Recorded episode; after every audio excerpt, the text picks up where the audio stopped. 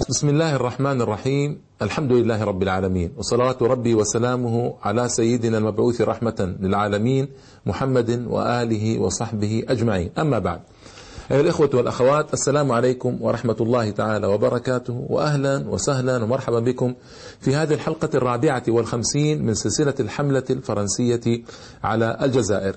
وفي هذه الحلقة إن شاء الله تعالى سأذكر بعض أحداث سنة 1957 آه، على رأسها معركة الجزائر إضراب الثمانية أيام وقضية رهيبة خطيرة أنا متأكد أنه سيقشعر جسمكم من أجلها وهي قضية المحتشدات والسجون والمعتقلات. المحتشدات والمعتقلات الضخمة التي أنشأتها فرنسا في الجزائر.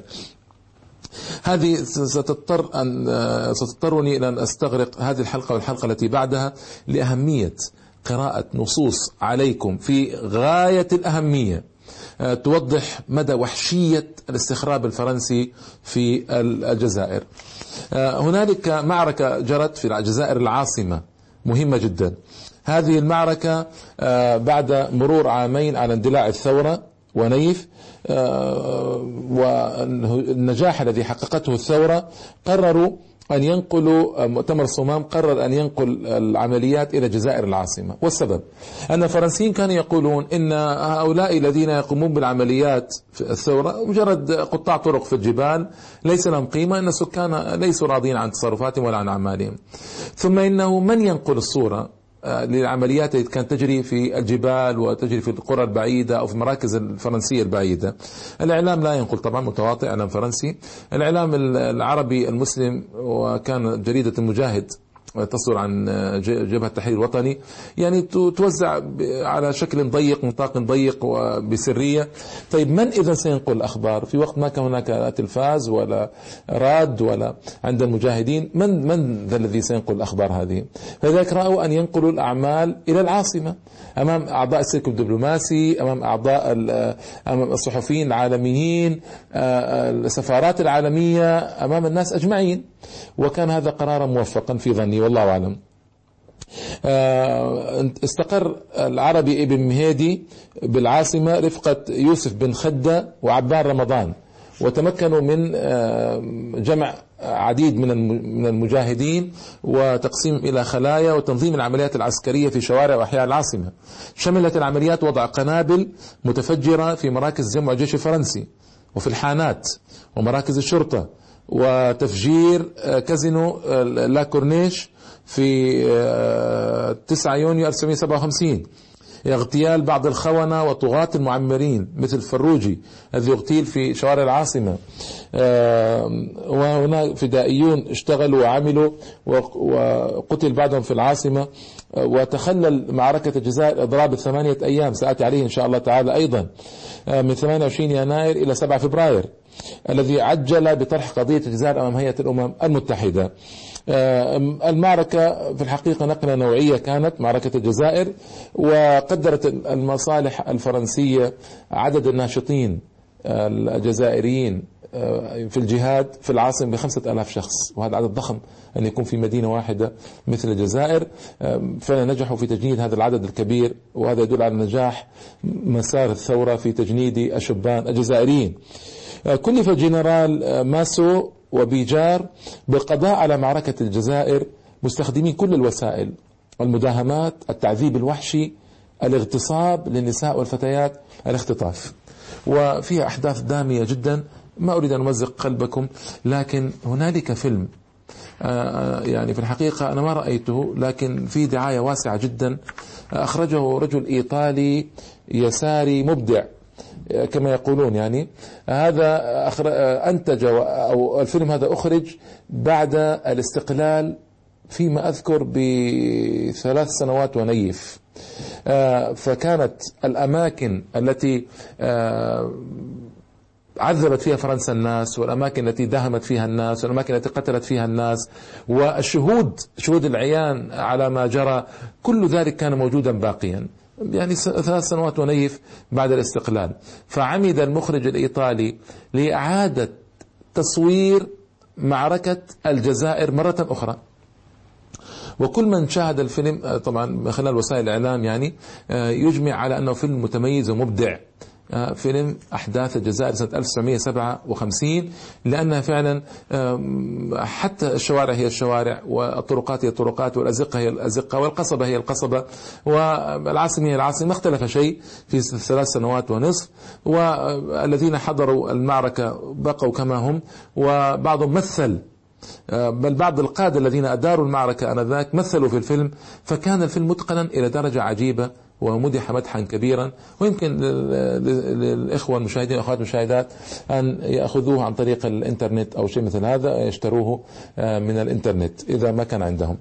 آه، وأنا يعني ما أدري عن مدى جودة الفيلم لكن إذا كان فيلم جيدا فعلا كما يقولون ويصفون فينبغي أن يعمم يعمم على جزائريين وجزائريات حتى يعلموا مدى وحشية الفرنسيين ومدى همجية معاملتهم لهم.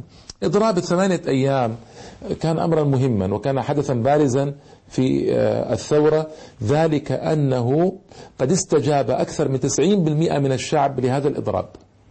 وهذه الاستجابة تدل بوضوح بل إنها استفتاء واضح على شعبية جيش آه، جبهة التحرير الوطني وجيش التحرير الوطني في قلوب الجزائريين. ويرد كل الادعاءات الفرنسية التي تقول إن يعني هؤلاء مجرد قطاع طرق في الجبال وأن لا قيمة لهم وأن الشعب آه، لا يريدهم ولا يلتفت إليهم وأن هؤلاء يعطون مصالح الشعب وأنهم لا يمثلون الشعب إلى آخره. فلما حصل الإضراب جن جنون فرنسا كيف يحصل هذا الإضراب؟ كيف يمكن أن يكون هذا الذي آه، حصل؟ في الحقيقة أيضا نجاح الثورة. داخليا وخارجيا داخليا عن طريق عرض قضية على مؤتمر باندونغ. ثم بعد ذلك على الأمم المتحدة في دورتها العاشرة آه، تعاطف كثير من دول العالم والمنظمات النقابية العالمية والمنظمات الطلابية العالمية مع الثورة. هذا أدى بفرنسا إلى آه، أن يجن جنونها وأن تحاول أن تنتقم من هذه الجبهة بقدر استطاعتها. آه، فلجأت إلى ما لجأت إليه من أعمال حدثتكم عنها وسأحدثكم عنها إن شاء الله تعالى. آه، قرار الإضراب والتحضير له آه، وحضر له بعناية عن طريق أيضا عباب رمضان وعربي بن مهيدي يوسف بن خدة أيضا وتحددوا تاريخ 28 يناير لبدء الإضراب. قبيل فتح المسألة الجزائرية في نيويورك. وذلك من أجل إعلام العالم أن القضية الجزائرية ما زالت حية وأن ما زال هناك من يدافع عنها وما زال هناك من يقول لا لفرنسا ولاحتلالها. وأوكلت مهمة التحضير إلى ولاية الستة. الولايات الستة اللي قلنا أن هذه تكونت على إثر مؤتمر الصمام. وتشكلت عدة لجان داخل المصالح والمؤسسات مهمتها توعية السكان وجمع المواد الغذائية والطعام والشراب في البيوت. لأن إضراب ما عاد أحد ينزل ولا عاد أحد يسير في الشوارع. آه، وإيجاد الصيغ الكفيلة لمساعدة العائلات المحتاجة وتوزيع المناشير والبيانات. شكلت لجان خارجية على مستوى التجمعات الجزائريين في الخارج والمساهمة في نجاح الإضراب. وفعلا آه، حدث هذا الإضراب العجيب على الوجه التالي. آه، وجند الشعب الجزائري كما قلت لكم أكثر 90% منه في إنجاح هذا الإضراب وفعلا هذا الذي حصل. وهذا أيضا أكد للسلطات الفرنسية الاستخرابية أنها أمام ثورة شعبية شاملة لا مجال لإيقافها ولا يمكن أن تقف حتى يخرج تخرج فرنسا من الجزائر وهكذا. آه، شمل الإضراب منذ اليوم الأول مختلف أنحاء القطر الجزائري واعتصم الجزائريون في بيوتهم. توقفت مختلف الأنشطة في المدن استجابة لنداء جبهة التحرير الوطني. حتى بدت المدن كأنها ميتة. بعد أن أغلقت محلات تجارية وهجرها أصحابها. وهو أحد الصحفيين يصف لنا اليوم الأول من الإضراب بمدينة الجزائر فيقول إنني لم أرى في حياتي مدينة يخيم عليها شبح الموت في وضح النهار كمثال القصبة حي معروف الآن في الجزائر العاصمة في إقفار شوارعها إقفار قفر ما فيها أحد. ورهبة السكون العميق النازل على دورها كأن سكانها في سبات عميق. وهذا نقلته وكالة الأسوشيتد بريس الأمريكية. آه نعم. أما عن نسبة من استجاب للإضراب فنشرتها الصحف الأجنبية بل الفرنسية مثل لو آه، أوبسرفاتور أن نسبة الإضراب بلغت 90% سواء في الإدارات والمصالح العمومية الرسمية مثل مصلحة البريد والسكك الحديدية مختلف أنواع المواصلات أو في الأسواق العامة سواء المركزية أو التي تبيع بالتفصيل. أما طبعا ردود الاستعمار الاستخراب الفرنسي فكان يعني ردودا وحشية همجية. اولا يعني أنزلوا الجيش إلى الشوارع كسروا واجهات المحلات أغروا الجزائريين بنهب ما في هذه المحلات. وحذروا تحذيرا بالغا كبيرا من استمرار الإضراب. أيضا عملوا آه، إذاعة آه، تشبه الإذاعة جيش التحرير الوطني. تذيع بيانات تشبه بيانات جيش التحرير الوطني آه، وتقول للناس إن هذا الإضراب هو من عمل الدوائر الاستعمارية إن يضر بمصالح الجزائريين. يعني يتكلمون كأنهم يتكلمون على لسان جبهة التحرير الوطني حتى يقنعوا الناس بالنزول وإنهاء الإضراب. وأيضا إنزال بيانات مزيفة وأوامر مزيفة ومضادة لأوامر الجيش وجبهة التحرير الوطني مناشير يعني وعليه صورة العالم الوطني حتى يتوهم الناس أنها من قبل جبهة التحرير الوطني. وقامت طائرات بإلقاء مناشير تدعو السكان إلى عدم الاستجابة أيضا الإضراب وكل ذلك ما لم يجدي شيئا مع الجزائريين. وشعب ما شاء الله أبي شعب قوي شعب يتحمل آه هذه المؤامرات كلها. آه خلف هذا الإضرار نتائج كثيرة وجميلة منها تزكية الشعب وجماهير المدن بصفة خاصة لمطلب الاستقلال. يعني خلاص صار مطلبا شعبيا يطلبه الناس جميعا. ما فقط جبهة التحرير الوطني أو الثوار أو المجاهدين. آه وكان كما قلت لكم الإضراب هو استفتاء على قوة وعظمة الشعب مكانة جبهة التحرير الوطني في قلوب الشعب الجزائري. هنا أيضا صحيفة لوموند كتبت في طبعتها الصادرة في 31 يناير 1957 جاء فيها بمجرد طلوع النهار استؤنفت عملية تكسير المتاجر وشرعت الدوريات في إعطاء الأوامر إلى العمال للالتحاق بأعمالهم وإلا إنهم سيتعرضون للعقوبات بالسجن. إن الجزائر في هذا اليوم ظلت صامتة واختفى منها سكانها المسلمون. اللهم لك الحمد.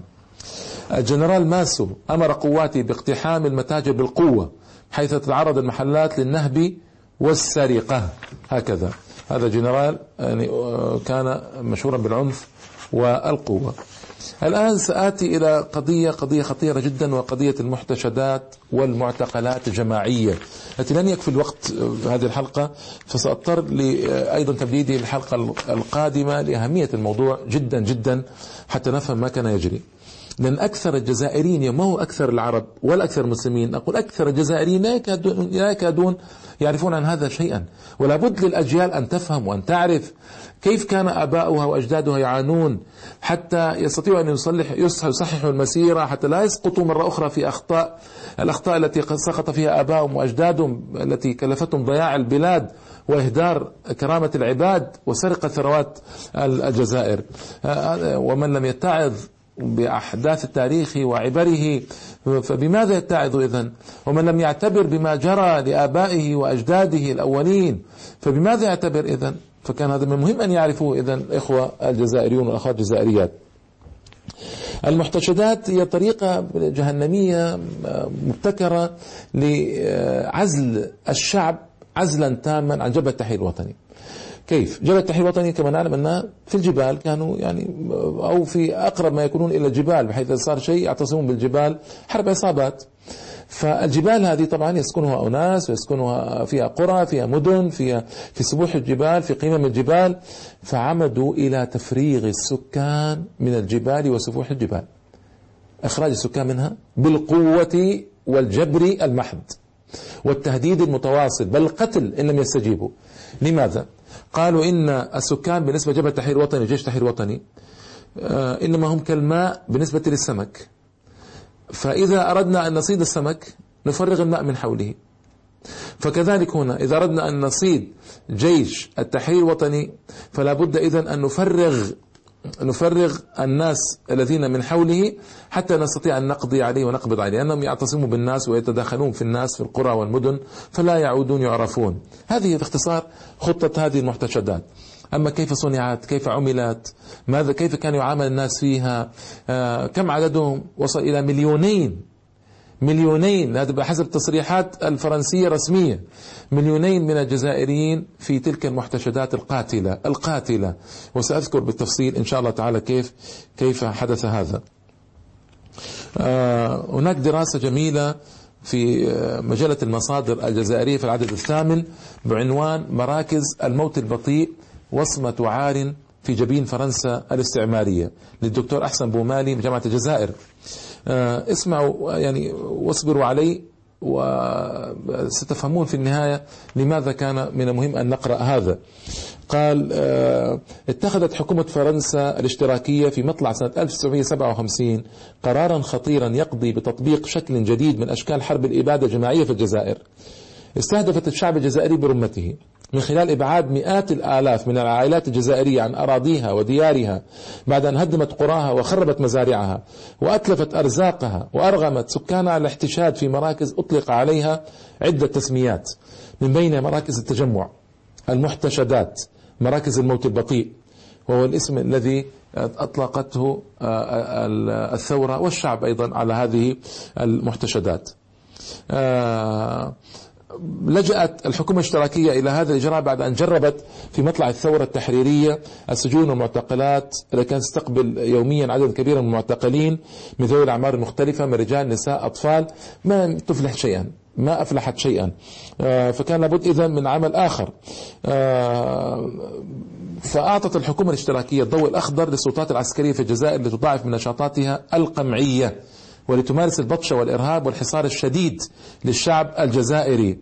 آه، وقام جنرالات, جنرالات فرنسا بفصل الثورة عن الشعب للتقليل من فعاليتها وذلك من خلال الترحيل الإجباري للمواطنين القاطنين بالأماكن الاستراتيجية لتمركز جيش التحرير الوطني في الجبال والغابات وكل المناطق التي تمتاز بتضاريسها الوعرة ويصعب على الجيش الاستعماري مراقبتها والسيطرة عليها.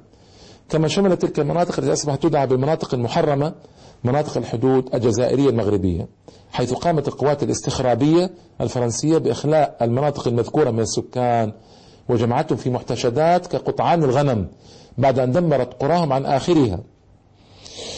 ولم تكتفي السلطات الاستخرابية بترحيل السكان عن المناطق المحرمة ولكنها أقامت حول هذه المناطق أبراج المراقبة ومراكز عسكرية مزودة بآليات الدمار ووسائل الاتصال الحديثة بحيث أصبحت تلك المناطق المحتشدات المعتقلات تخضع لمراقبة الجيش الاستخرابي باستمرار ليلا نهارا. وكانت أدنى حركة تلاحظ فوق ترابها تصب عليها وابلا من القنابل وسط الطائرات إلى آخره. طيب. وقد رافق تطبيق قرار جمع سكان المناطق المحرمة في محتشدات عملية حظر التجول في المناطق والقرى الجزائرية والمدن. كانت دائما حظر التجول. من ذلك الوقت حتى الاستقلال. من بعد آه، غروب الشمس إلى قبيل شروقها. حظر تجول تام ما يمشي أحد. ومن آه، يضطر إلى المرور خلال مدة حظر التجول فإنه يتعرض للموت من قبل الحواجز العسكرية. هذه الطرقات الرسمية. أما الطرقات الثانوية فلا يجوز استعمالها أبدا إلا بترخيص من قبل المصلحة الإدارية المختصة ساس وكنت حدثتكم عنها في حلقة سابقة. آه، وهنا طبعا هناك أهداف ذكرت لتجميع السكان. ذكرت بعضها بسرعة. أقول حماية المراكز العسكرية التي تكون منعزلة بإقامة مراكز جمع حولها يعني يريدون أن آه، يعضدوا من قوة المراكز العسكرية الفرنسية في الأماكن المنعزلة بإقامة محتشدات من السكان. يعني مثل يجعلون السكان مثل الدروع البشرية يعني. فصل السكان عن الجيش التحرير الوطني بتطبيق تعاليم ماو تسي تونغ التي تقول إن الجيش الشعبي يجب أن يعتبر وسط السكان كأنه سمك وسط الماء. وما دمنا لا نستطيع ملاحقة المقاتلين فعلينا أن نفرغ الماء نفرغ الماء حتى يموت السمك. وطيب وكلام طويل. هناك ضابط فرنسي اعترف بهذه الحقيقة يعني أن أن تجميع السكان المنتشرين بحيث في مكان واحد بحيث يسهل مراقبتهم وفي الوقت نفسه يكونون دروعا بشرية وفي الوقت نفسه ينعزلون عن جبهة تحرير وطني وجيش تحرير وطني فلا يعودون يمولون يمولون جيش تحرير وطني بالمال ولا يمونونه بالطعام والشراب ولا يمدونه بالشبان. يعني خطة جهنمية فعلا. وهناك ضابط فرنسي آه، اعترف هو الآخر بهذه الحقيقة فقال اكتفينا بجمع السكان داخل الأسلاك الشائكة. حتى أن جنرالا عندما زارنا ذات يوم سألنا هل عندما يكون هؤلاء الناس خارج التجمع تحمونهم من الثوار؟ فأجبناه بأن هذه الاحتياطات والأسلاك لم تتخذ لحماية السكان مطلقا ولكن لحراستهم حتى لا يتصلوا بالثوار. بدت الدهشة على جنرال لأنه كان يعتقد في بادئ الأمر أن الأسلاك الشائكة أقيمت لمنع الثوار من التسرب إلى القرية أو المدينة ولم يتصور أنها لغرض معاكس. آه، أيضا آه، من الأهداف فصل السكان عن جبل التحرير الوطني وطبعا يقول تقول الجريدة وهذا العجب جريدة ليموند الفرنسية تقول إن إن التنقلات لم تقم إلا لفصم الروابط عن طريق الإرغام أو الرضا تنقلات الناس يعني من بلادهم إلى المحتشدات. ذلك أنه من السهل محاربة الثوار بعد أن تكون جميع الجسور والروابط قد قطعت بينهم وبين ممثلين في محاربتهم ومحيطون بهم. فالمزارعون قد أصيبوا في خيراتهم وأهينوا في كرامتهم وبالتالي فهم في حالة من خضوع الكلي وليس لهم وليس لهم أن يقوموا بأية محاولة. نقطة مهمة أيضا لسبب المحتشدات تحطيم المعنويات بتطبيق أسلوب من أساليب العمل النفسي داخل مركز التجمع.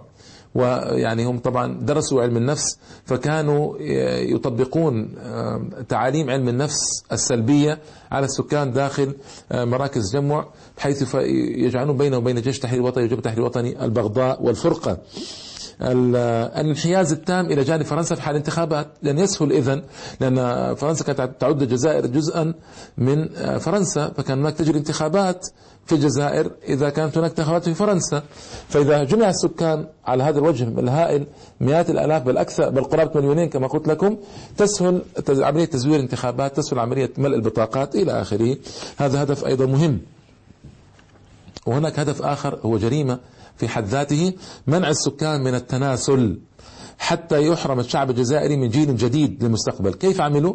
عمليات تعقيم واسعة عملوا للشباب والشابات الجزائريين والجزائريات آه، كوسيلة من وسائل ناجعة في إبادة الشعب الجزائري. آه، أيضا من أهداف تطويق الجزائر بأكملها من خلال إنشاء المناطق المحرمة المحتشدات هذه المعتقلات وإحاطة القرى والمدن بأسلاك الشائكة. وضع السدود المكهربة على الحدود وتحدثت عنها في الحلقة الماضية الشرقية والغربية. إذا الجزائر صارت سجنا كبيرا وكبيرا جدا. آه، وهذا كله من أجل محاصرة جيش التحرير الوطني وتسهيل القضاء عليه بعد ذلك. تعود طبعا البدايات الأولى لمراكز التجمع إلى مطلع الثورة.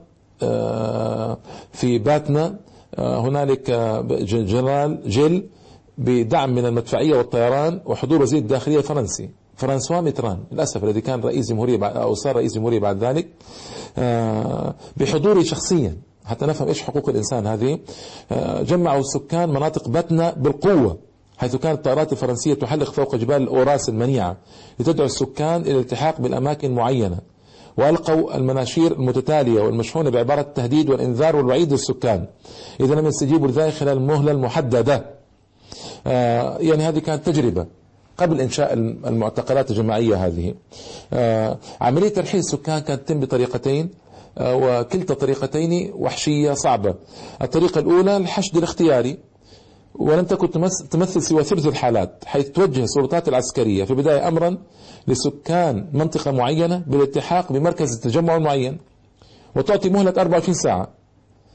ومع انتهاء المهلة تشرع المدافع المختلفة العيارات في قصف المنطقة تمهيدا لدخول القوات العسكرية بالدبابات والطائرات الاستكشافية.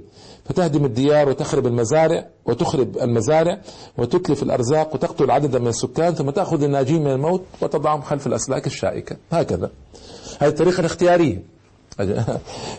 الطريقة الثانية تعد أقصى وأعنف وأكثر وحشية حيث يجبر السكان بالقوة. على التجمع بتكديس في شاحنات عسكرية. ثم يلقون خلف الأسلاك الشائكة ويأمرهم الجنود بعد ذلك بإنشاء أكواخهم بأنفسهم. هم أنفسهم. طبعا هنا الأمر يعتمد على جنرال المشرف. إذا كان جنرال هادئا ومسيطرا على أعصابه فإنه يعطيهم 24 ساعة 48 ساعة يعني يمد في يفسح في المدة. وإذا كان جنرال حديدا عصبيا فإنه يعطيهم ربما ساعة. بعد كما قالوا هنا ساعة. بعد الإنذار ثم يبدأ تبدأ المدافع بانهمار فوق رؤوس المساكين رجالا ونساء واطفالا وشيوخا لا يملكون لأنفسهم حولا ولا طولا. الأمر يعني قضية قضية مزاج اذا. وطبعا آه، تحدث تجاوزات خطيرة ضد الإنسانية وحقوق الإنسان أثناء الترحيل يعني آه، آه، أشياء خطيرة وخطيرة جدا. القادة العسكريون مع ذلك كله تصوروا كانوا يوهمون الناس بأن هذا الترحيل كان بإرادة بإرادة محض إرادة ما أجبرهم على شيء وأنه كان طواعية الكذب هذا أعوذ بالله. هذه الأكاذيب فندت بعدة شهادات مثل الضابط أحد ضباط آه، دي بلان هول يقول كان في مدينة بوليدة والذي اعترف بأنه سأل كل الضباط منطقة البوليدة. آه، وأكدوا له عدم قبول السكان للرحيل إلى مراكز التجمع وأنهم أجبروا على مغادرة أراضيهم وبيوتهم بالقوة. الضابط ميشال كورنتيون وهو مؤلف كتاب كتاب المحتشدات في الجزائر. يعترف بأن اللاجئين الذين حلوا بعين لوا سنة 1958 كانوا مجردين من كل شيء وتعبوا تعبا شديدا من كثرة المشي بوجوه مغبرة وثياب ممزقة وموسخة وقد ناموا أياما وليالي في الخلاء. أما الذين احتشدوا في بوحامة في الأوراس قطعوا مسافة ثمانين كيلا مشيا على الأقدام وبالقوة. الجندي ألفريد مولير كان يدعى في الفرقة إزنس إرنست من ألمانيا. آه، أيضا صرح لجريدة ريو آه، هانوفير بقوله في, في يناير. 1959 كان فيلقنا مكلفا بالقيام بعملية. المهم هي تجميع سكان القرى والبدو في معسكرات التجمع. وقد أحرقت عن آخرها جميع تلك القرى التي أخليت. وكان خمسة وعشرون شخصا قد حاول أن ينقذوا بعض ممتلكاتهم من ألسنة النيران. ففصلوا جانبا وأعدموا من طرف جندنا رميا بالرصاص في الموقع. هكذا يصنعون الجندي أيضا آه، أريش هيلموت من ألمانيا آه، وكان يعني في فرنسا على ذاك. قال جرت في الفترة الواقعة بين مارس وإبريل 1959 عملية تجميع بدو منطقة جرفل أحرقت جميع خيام أولئك جزائريين. منعوا من إنقاذ أي شيء يملكونه. وجمعنا الشيوخ والأطفال وتجهنا بهم تحت حراسة حرابنا.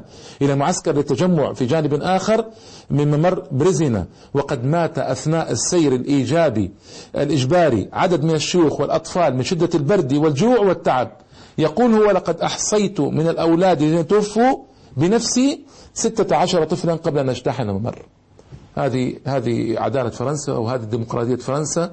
الوقت انتهى والمخرج أشار بوجوب الوقوف. سأكمل إن شاء الله تعالى في الحلقة القادمة والسلام عليكم ورحمة الله تعالى وبركاته.